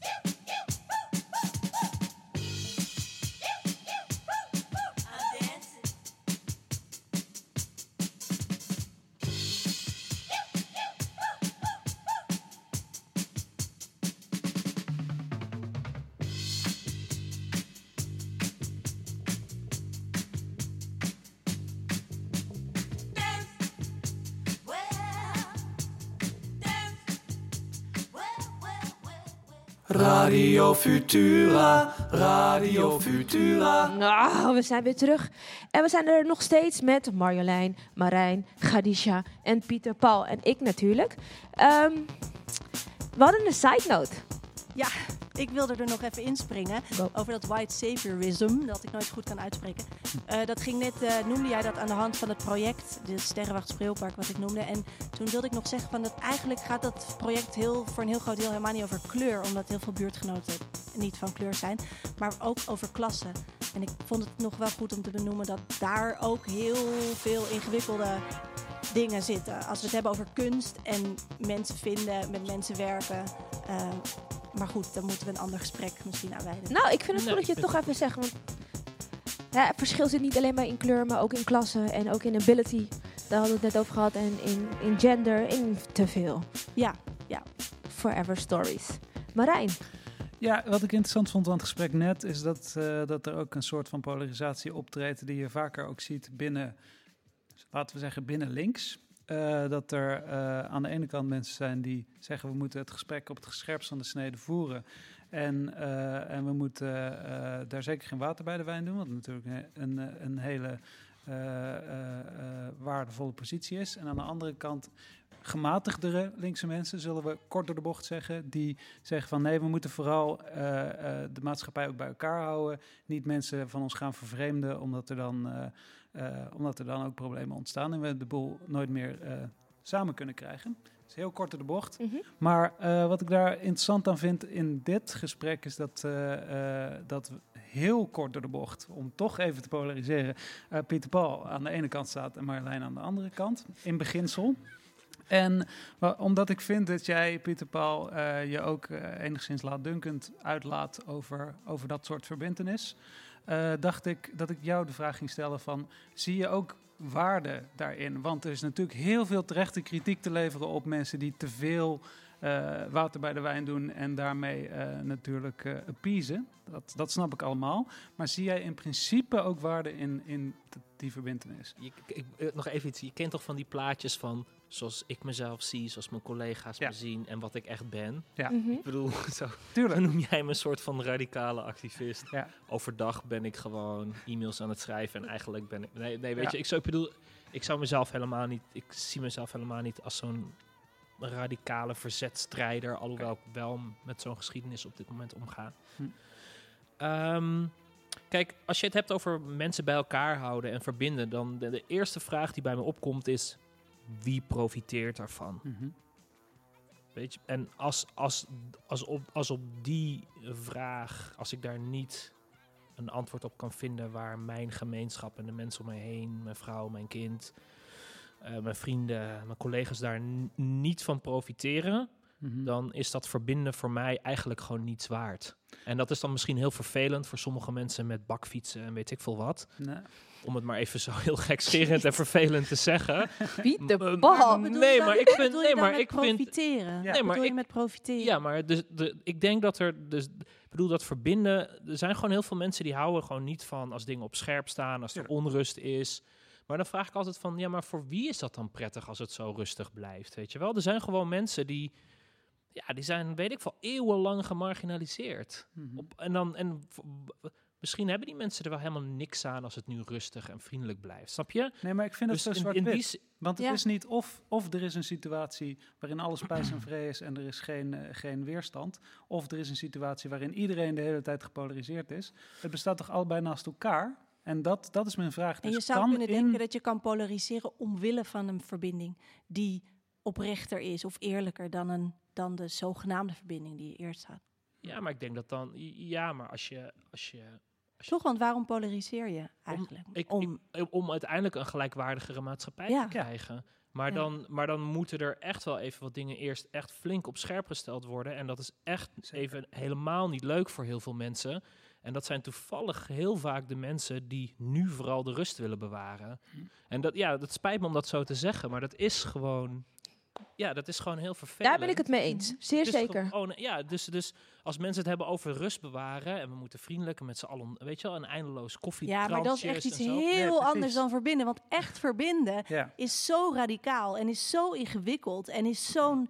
Ik bedoel, sorry, maar je kan niet alle projecten die over verbinding gaan... die vaak echt met hart en ziel en bloed, zweet en tranen worden gedaan... Want ik bedoel, ik weet wat ik de afgelopen jaren zijn bijna al mijn projecten daarover gegaan en het is keihard werk en het is super confronterend en het is lelijk en het is ruzie, maar dat is de inzet. Want je wil naar een iets toe wat echt is en wat elkaar raakt. En dat kan je niet, dat kan je niet in één eh, adem noemen met koffie drinken en dat is natuurlijk iets totaal anders. Nee, maar voor mij gaat verbinden bijvoorbeeld over museumcollecties teruggeven. Voor mij gaat eh Ja, maar dat- over maar dan denk ik ook dat we daar helemaal niet zo ver- wel had gekregen. Eh, voor mij gaat verbinden over Ehm, eh, weet je wel, dat er gewoon geen Zwarte Piet meer in Nederland te zien Maar is. waarom noemen we dat dan geen verbinden? Want dat is zo jammer. Doordat je nu, jij zit verbinden in een hoek van koffie drinken en saai en hebben we niks aan. Terwijl je kan zeggen, wat je nu zegt, dat vind ik heel waar. Nou ja, omdat dat is verbinden. En als we dat zo noemen, dan krijgt dat ook een veel positievere lading. Ja, het is maar ook taal, hè? Maar Jolijn, het spijt me zeer, maar ik, dat, is, dat is het niveau van verbinden wat ik vandaag de dag overal zie. Ik bedoel, Ja, maar je kan dat begrip toch zelf Nee, maar bijvoorbeeld, je invulling hebt geven. hartstikke veel kunstinstituten. Weet je, die, die nodigen aan de vleet allemaal van mensen van kleur uit... die dan gezellig moeten komen praten over van alles en nog wat. En die instituten zijn allemaal hagelwit. En dat verandert ook niet. Ik bedoel, ja, die vorm van verbinden... daar heb ik echt een broertje dood aan. Of een zusje dood. Welke Ja, vorm ik- van verbinden is dat dan? Want ik bedoel, eh, de, wat, bedoel je, wat bedoel je nu precies? Want de, die hagelwitte directies, volgens mij wil iedereen, iedereen hier aan tafel daar verandering in brengen. Dus wat bedoel jij met die vorm van verbinden heb je een broertje dood aan? Nou ja, dat, nou ja, misschien moet ik het gewoon zeggen, is dat verbinden ehm, waarschijnlijk voor een, een grote groep mensen helemaal niet leuk is en ook niet gaat over de rust bewaren. Nee. Ik denk dat, ik denk dat werkelijke verbinding in, in de maatschappij waarin we nu leven, dat het en als we echt dichter bij elkaar wil komen, dan moeten er dingen echt grondig opgeschud en veranderd worden. Ja. En dat is voor heel veel mensen gewoon niet leuk. Nee. En ik, en ik merk gewoon nog te vaak dat, dat de mensen die eigenlijk op comfortabele plekken zitten en die werkelijke verbinding in de weg zitten, dat die gewoon dat tegenhouden. En dat, ja, sorry. Ja, ik... Nee, zo- nee. Maar ik zie Gadisha ademhalen alsof ze wat wil zeggen. Dus ik geef je gewoon een... Hier neer. Nee, Maar oké. ik ben wel leven. benieuwd wat jij... eh, Nou, naar kijk, jou, ik eh, denk dat je eerst een onderscheid moet maken tussen wat bedoel je precies met polariseren. Wat, wat, wat voor betekenis en referentie geef je daaraan? Is het eh, polariseren, een negatieve connotatie, onnodig een wij-zij tegenstelling creëren? Of is het nodig voor rechtvaardigheid strijden en onrechtvaardigheid ter sprake brengen en onrechtvaardigheid bestrijden? Kijk, in dat laatste geval, als je dat doet, ja, dan ben je aan het verbinden. Maar dan komt nog de volgende vraag, en die je dan moet stellen, is: met welke groep heb je te maken? Waarom wil je verbinden? Kijk, als jij met je oom aan de, aan de, eh, tijdens kerst aan de tafel zit, hè, de, of de fijne feestdagen, ehm, en je hebt een discussie over Zwarte Piet en hij is juist voor, hij zegt het is een kinderfeestje en jij vindt juist van niet, het is een racistisch feest waar gewoon eh, blackface in, inherent in zit en ook allemaal koloniale aspecten die er ook nog niet uit zijn wanneer je geen zwarte smink meer op doet, maar ook nog de kleding, et cetera. Wil je daarin verbinden omdat je familiebanden hebt? Ja, dat snap ik wel, tuurlijk. Want dan wordt het best wel lastig. En soms heb je gewoon familiebreuken. Heb ik ook in de familie. Discussies over gender, discussies over vrouwen, mannen. Komt ook voor. Ehm, dus de vraag is, wat bedoel je precies met verbinden? Met wie? Heb je het over polariseren of heb je het over onrechtvaardigheid de wereld uit proberen te helpen?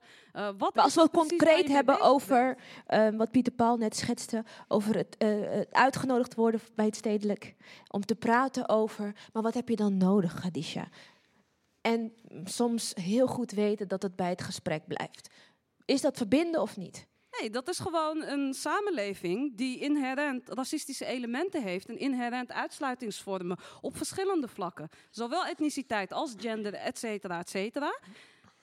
Dat is wat, wat, wat dat is. Dat is geen verbinden. Dat is een façade. Dat is een illusie. Organisaties of bijvoorbeeld linkse partijen die doen alsof ze zich heel erg inzetten voor diversiteit. Maar ondertussen, als je gaat kijken naar hun besturen en inherent wie er aan de tafel zitten, is het heel homogeen wit. Dat is geen verbinden. Dat is het in stand houden van een ongelijke samenleving. Heeft het dan te maken met waar je staat op de maatschappelijke ladder? Dus welke partijen elkaar ontmoeten?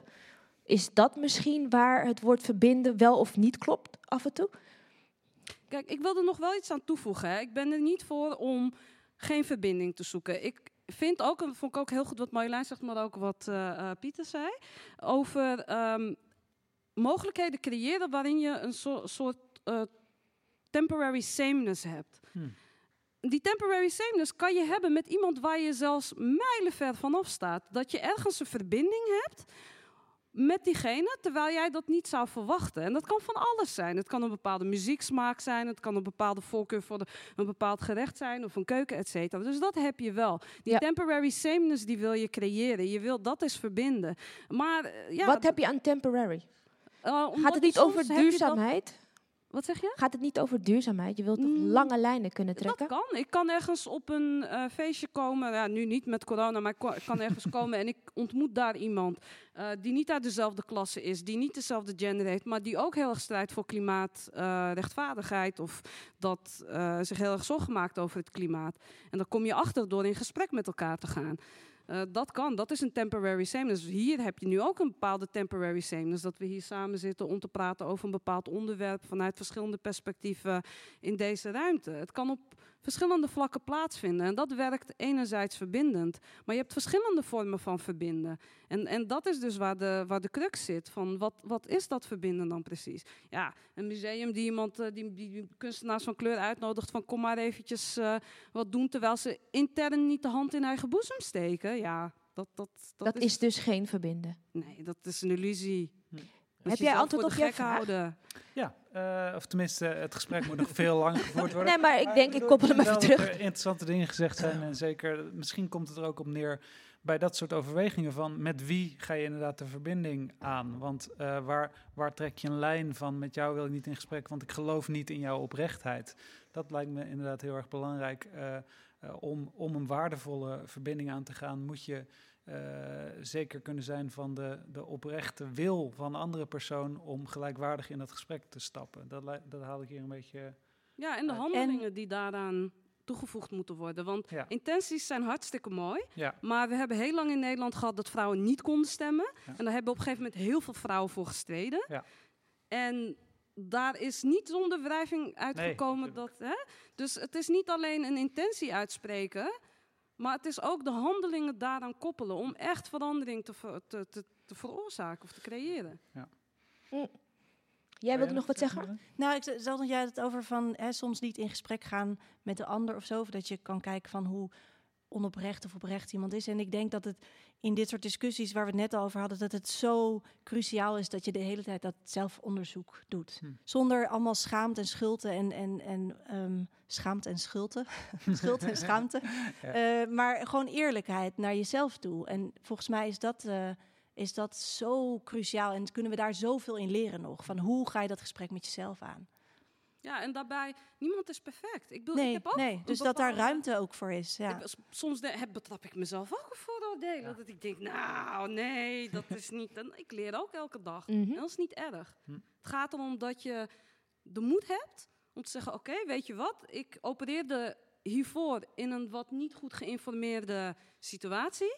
Nu zie ik beter, nu weet ik beter en dan ga ik ook beter handelen. Misschien Hm. heeft dat ook een lange tijd nodig. Prima, dat kan. Ja. Dat mag. Niemand is perfect. Niemand doet het ook perfect. Niemand.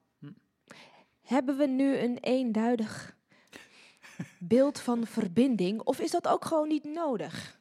Eh, Ik denk, ja, het loopt nog een beetje door elkaar heen, denk ik, ook vanwege de, ehm, de Nou, associaties. Ik vond wel, jij noemde net gelijkwaardigheid. Dat vind Ja. ik een, in ieder geval een goed eh, uitgangspunt Ja. om verbinding tot stand te brengen. Mhm. En om die gelijkwaardigheid te krijgen is natuurlijk een hele lange weg. Want je komt Absoluut. vanuit twee verschillende, altijd vanuit twee verschillende posities.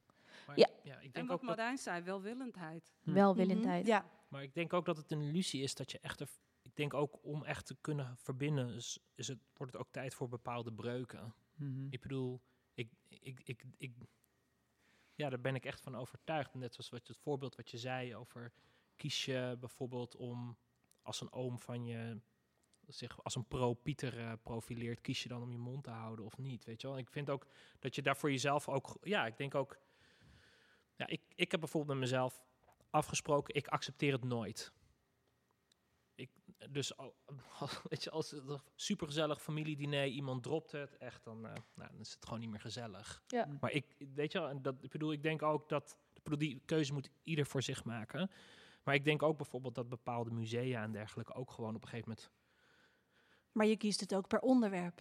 Dat je het niet accepteert. Nou, ik, ik- Even over ons uh, ik, ik moet heel eerlijk zeggen, net. ik ben niet zo goed. Ik ben niet zo, ik ben niet zo meester in mijn emoties. Dus als iemand gewoon tijdens zo'n diner het over, ik ontplof gewoon meer dan dat ik zeg van, oh, kunnen we even apart, we moeten even praten.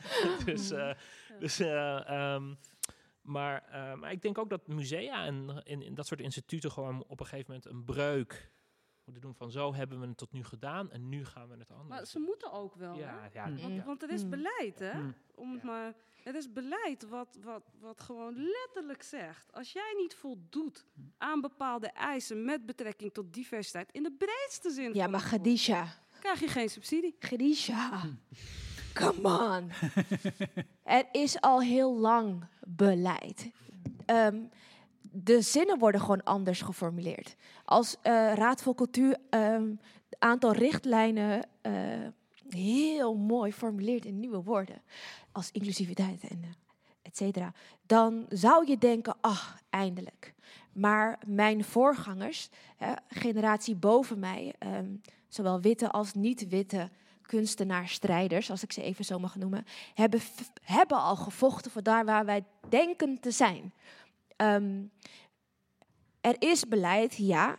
Eh, men krijgt geld om te onderzoeken hoe, eh, hoe, hoe de instelling of zijn of haar instelling verkleurd kan raken. Maar daar krijg je geld voor om dan het aan te pakken. En dat doe je dat ook. De wil is er waarschijnlijk. Je hebt het opgeschreven, dus dan, zou, je- dat moet je het aannemen. Maar als dat niet gebeurt, kan er ook gezegd worden: kill me if I'm wrong. Het is me niet gelukt. Ja, deels. Sorry. En Ja, dat, want, dat, dus, dus, dat, want wat we nu zien, bij, eh, en dat laten we dan meteen eh, het heel erg lokaal maken. Natuurlijk is eh productiehuis Frascati is, niet meer gehonoreerd voor de nieuwe kunstplanperiode. En een belangrijk deel van de kritiek was een gebrek aan inclusiviteit. Dat is een van de redenen die daarvoor werd aangevoerd. Ja, ook. Maar laten we, als we kijken naar, naar eh, hen die wel gehonoreerd zijn. Mhm.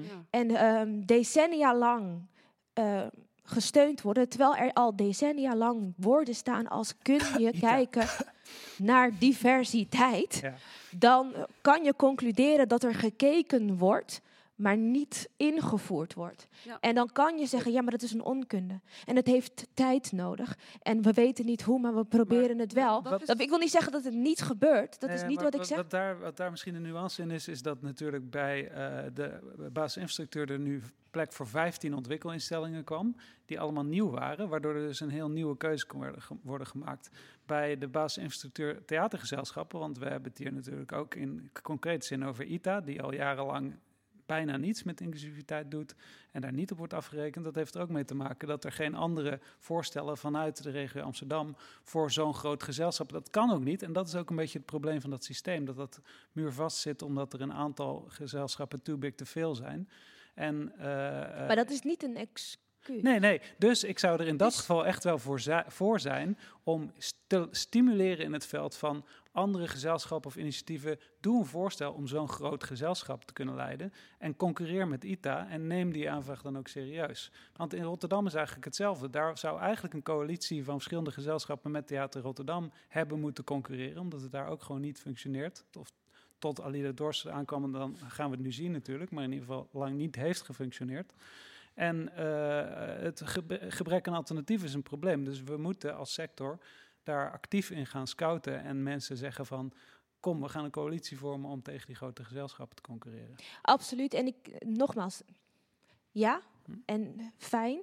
En zwart op wit, en daar houden we van, Hm. hier in dit land. Ehm, alleen eh, ehm, de uitdraai daarvan, wat, wat ik, waar ik eigenlijk op reageerde... het is niet iets van nu. Er wordt niet nu pas gesproken over Nee. diversiteit. of nu pas gestreden voor Zwarte Piet. Er wordt niet nu pas eh, ehm, politiegeweld eh, openbaar gemaakt. Dat zijn dingen die al heel lang gebeuren. Bij mij gaat het over het op de vingers kunnen tikken van. Want dat hoeft niet. We, hoef, we worden niet op de vingers getikt als we, er, als we de quota niet halen. Ja, een aantal worden niet gehonoreerd. Maar nee, institutionele racisme heeft nog steeds de overhand. En dat is... ehm, dat voelt soms als dweilen met de kraan open voor een Pieter Paul. Maar ook voor een Dionne Verwij en ook voor een Marjolein Heemstra. En het gaat er denk ik ook op... Ja, als je zegt, maar het staat opgeschreven... in hoeverre geeft dat ons nog hoop? Tuurlijk.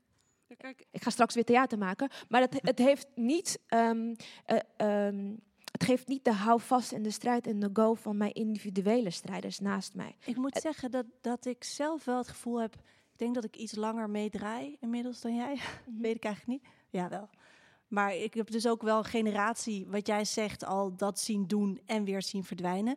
En het is heel treurig dat ons geheugen daarin zo kort is. En ook dat niet goed wordt geanalyseerd, volgens mij, wat er steeds gebeurt. Mhm. Ehm, maar toch voelt het nu anders.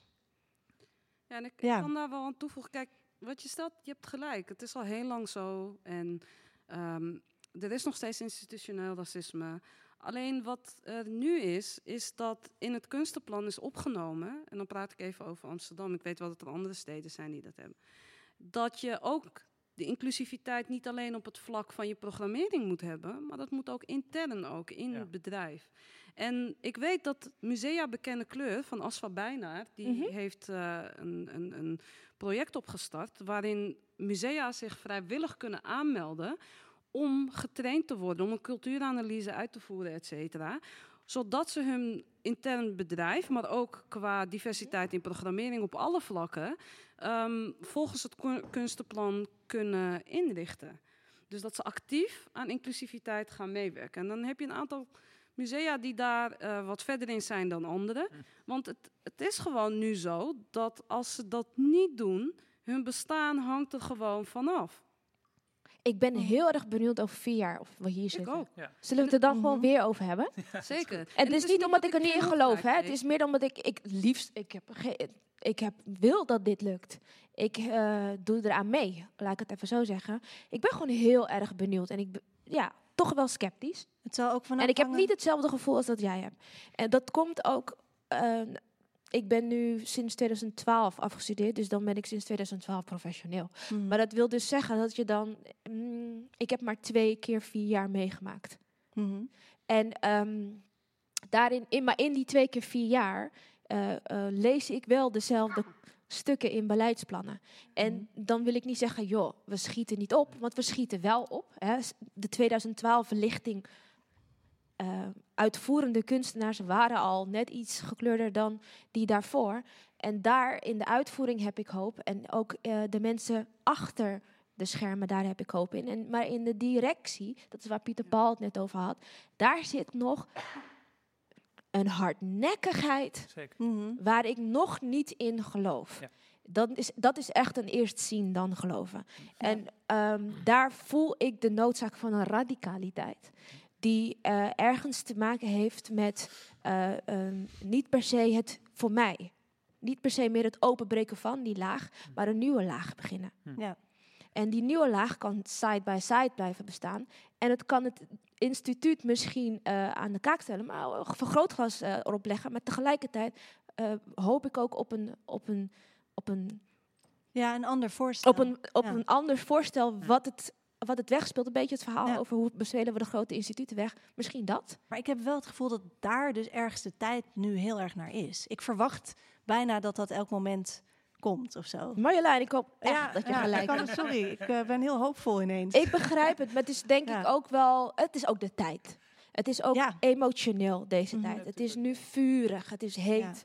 Gesprekken zijn niet normaal heftig. En eh, zowel binnen de kunst als buiten de kunst. En ook inderdaad in Ja, families. ongekend, eh, je vrienden. Het is nu... Of het is nu heter dan ooit in mijn belevenis. Want ik kan me Ja. voorstellen dat tijdens de civil rights dat het ook super heet was. Maar daar was ik er niet bij.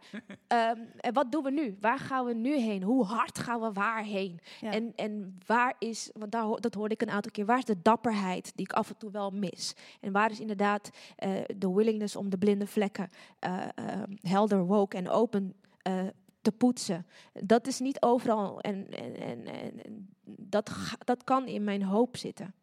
Dat, dat wil ik misschien zeggen. Dat kan een beetje de hoop eh, verdoven. Ehm, en dan, dan spreekt emotie te vaak. En dan kunnen we niet meer rationeel denken. Eh, maar dat is ook lekker af en toe, of niet? Soms wel. Aan rationeel denken zit, het is niet rationeel of emotie. Nee, hè? zeker niet. Het gaat zeker wel samen. Ja, absoluut. Maar eh, emotioneel gaat... eh, emotioneel, eh, Nu dan eh, wetenschappelijk gezien, hè? Dus ik, ik Ja, nu- ja, ik ben waar je bent. Maar tegelijkertijd eh, praat ik ook voor hen die eh, eerder de emotionaliteit leest Mhm. dan eh, de inhoud begrijpt. Mhm. De andere kant, vaak. En dat, dat Ja, kan dus het mijn hoop soms weg. Volgens mij ook het grote verschil is dat er nu natuurlijk veel meer aan het verschuiven is dan alleen maar. Het is niet alleen dit gesprek. We hebben ook hè, corona, we hebben klimaatcrisis. Er zijn zoveel dingen die zo ontzettend urgent voelen nu. Mhm. En ik denk doordat er op verschillende vlakken dingen verschuiven, kun je ook echt ruimte krijgen voor iets nieuws. Omdat er gewoon, er gaan gewoon breuken ontstaan. Of die ontstaan er nu al. Absoluut. En dan ga ik dat lekker allemaal weer lijmen. Absoluut. Ja, binden met zee en Radio, Radio Futura. we gaan verbinden en we blijven verbinden. Radio Futura. eh, het is één minuut voor half negen. We hebben niet genoeg tijd. En ik kijk naar mijn eh, producent Heske van den Ende, Powerwoman. Shout-out naar Heske trouwens. En naar Futura, maar ook gewoon heel Frascati. En jullie. Dank jullie wel. Ik, ik wil nog heel lang praten. En ik wil nog veel dieper erop ingaan. En ik wil... Volgens mij is dat echt een goed moment om een gesprek te eindigen als, het eigenlijk nog, als, de, als je eigenlijk nog uren door kan gaan. Dat is waar. Ik denk eigenlijk dat dat, want dat, ja. Laat me weten wat je ervan vond. Ik bedoel, we hebben nog steeds een telefoon. Telefoonnummer is 0648 678648. Ehm, wil je reageren op Pieter Paul of zo? Want dat kan hij. Hij kan gewoon terugreageren. Eh, ik ben heel trots op je. Ik, ja, Oh, echt? Oké. ja, absoluut. Maar op iedereen hoor. Ik bedoel, Khadija, dankjewel dat je er weer was. Marijn, fijn om je te leren kennen Super trouwens. Eh, super de mens achter de recensent. Zo noem ik het gewoon heel even. ja, toch? Als je denkt aan Marijn Lems, denk je shit, komt hij bij, komt hij bij mijn voorstelling? Damn. Ja. En nu zit hij hier en eh, heb ik heel veel van je mogen leren. Dankjewel. Je was een Gelijk. fijne piloot. Super, dankjewel. Het was een goede reis. En Marjolein, ik ben super benieuwd naar jouw werk. En eh, ik kom sterren kijken, denk ik, een keer. Graag. Dat, ik heb daar zin in. Ja, zeerlijk. Voor aanzitten. Voor aan zitten kijken, handen over elkaar. Ben je nu ons aan het verbinden? Je of zit je te verbinden. Wat is dit verbinden? Ik voel het niet. Nee, ik ben met niemand verbonden. En dan jou de schuld geven. Want dat, Ja, is, dat heerlijk. kunnen wij, mensen de schuld geven. Nee, ik ben hartstikke benieuwd. Nodig ons uit. Ja, Eh, laat het ons weten. En ehm, misschien, dat kan dus niet vanuit Frascati ook. Want we hebben geen sterren hierboven. Nee. Nee. Vliegenbos gaan we dat doen. Oh, nou dan komen we gewoon lekker daar. Met z'n allen, toch? Gezelligheid. Nou, mijn naam is Dionne Verwij. Ik heb een hele leuke outro. Die ga ik gewoon even aanzetten. Tot eh, volgende week. Radio Futura. Met Dionne Verwij. Dionne Verwij. En Gian van Gunsven. Gian van Gunsven. Frascati. Dionne Verwij. Radio Futura. Gian van Gunsven. Dionne. Dionne. Dionne. Dionne. Radio Futura.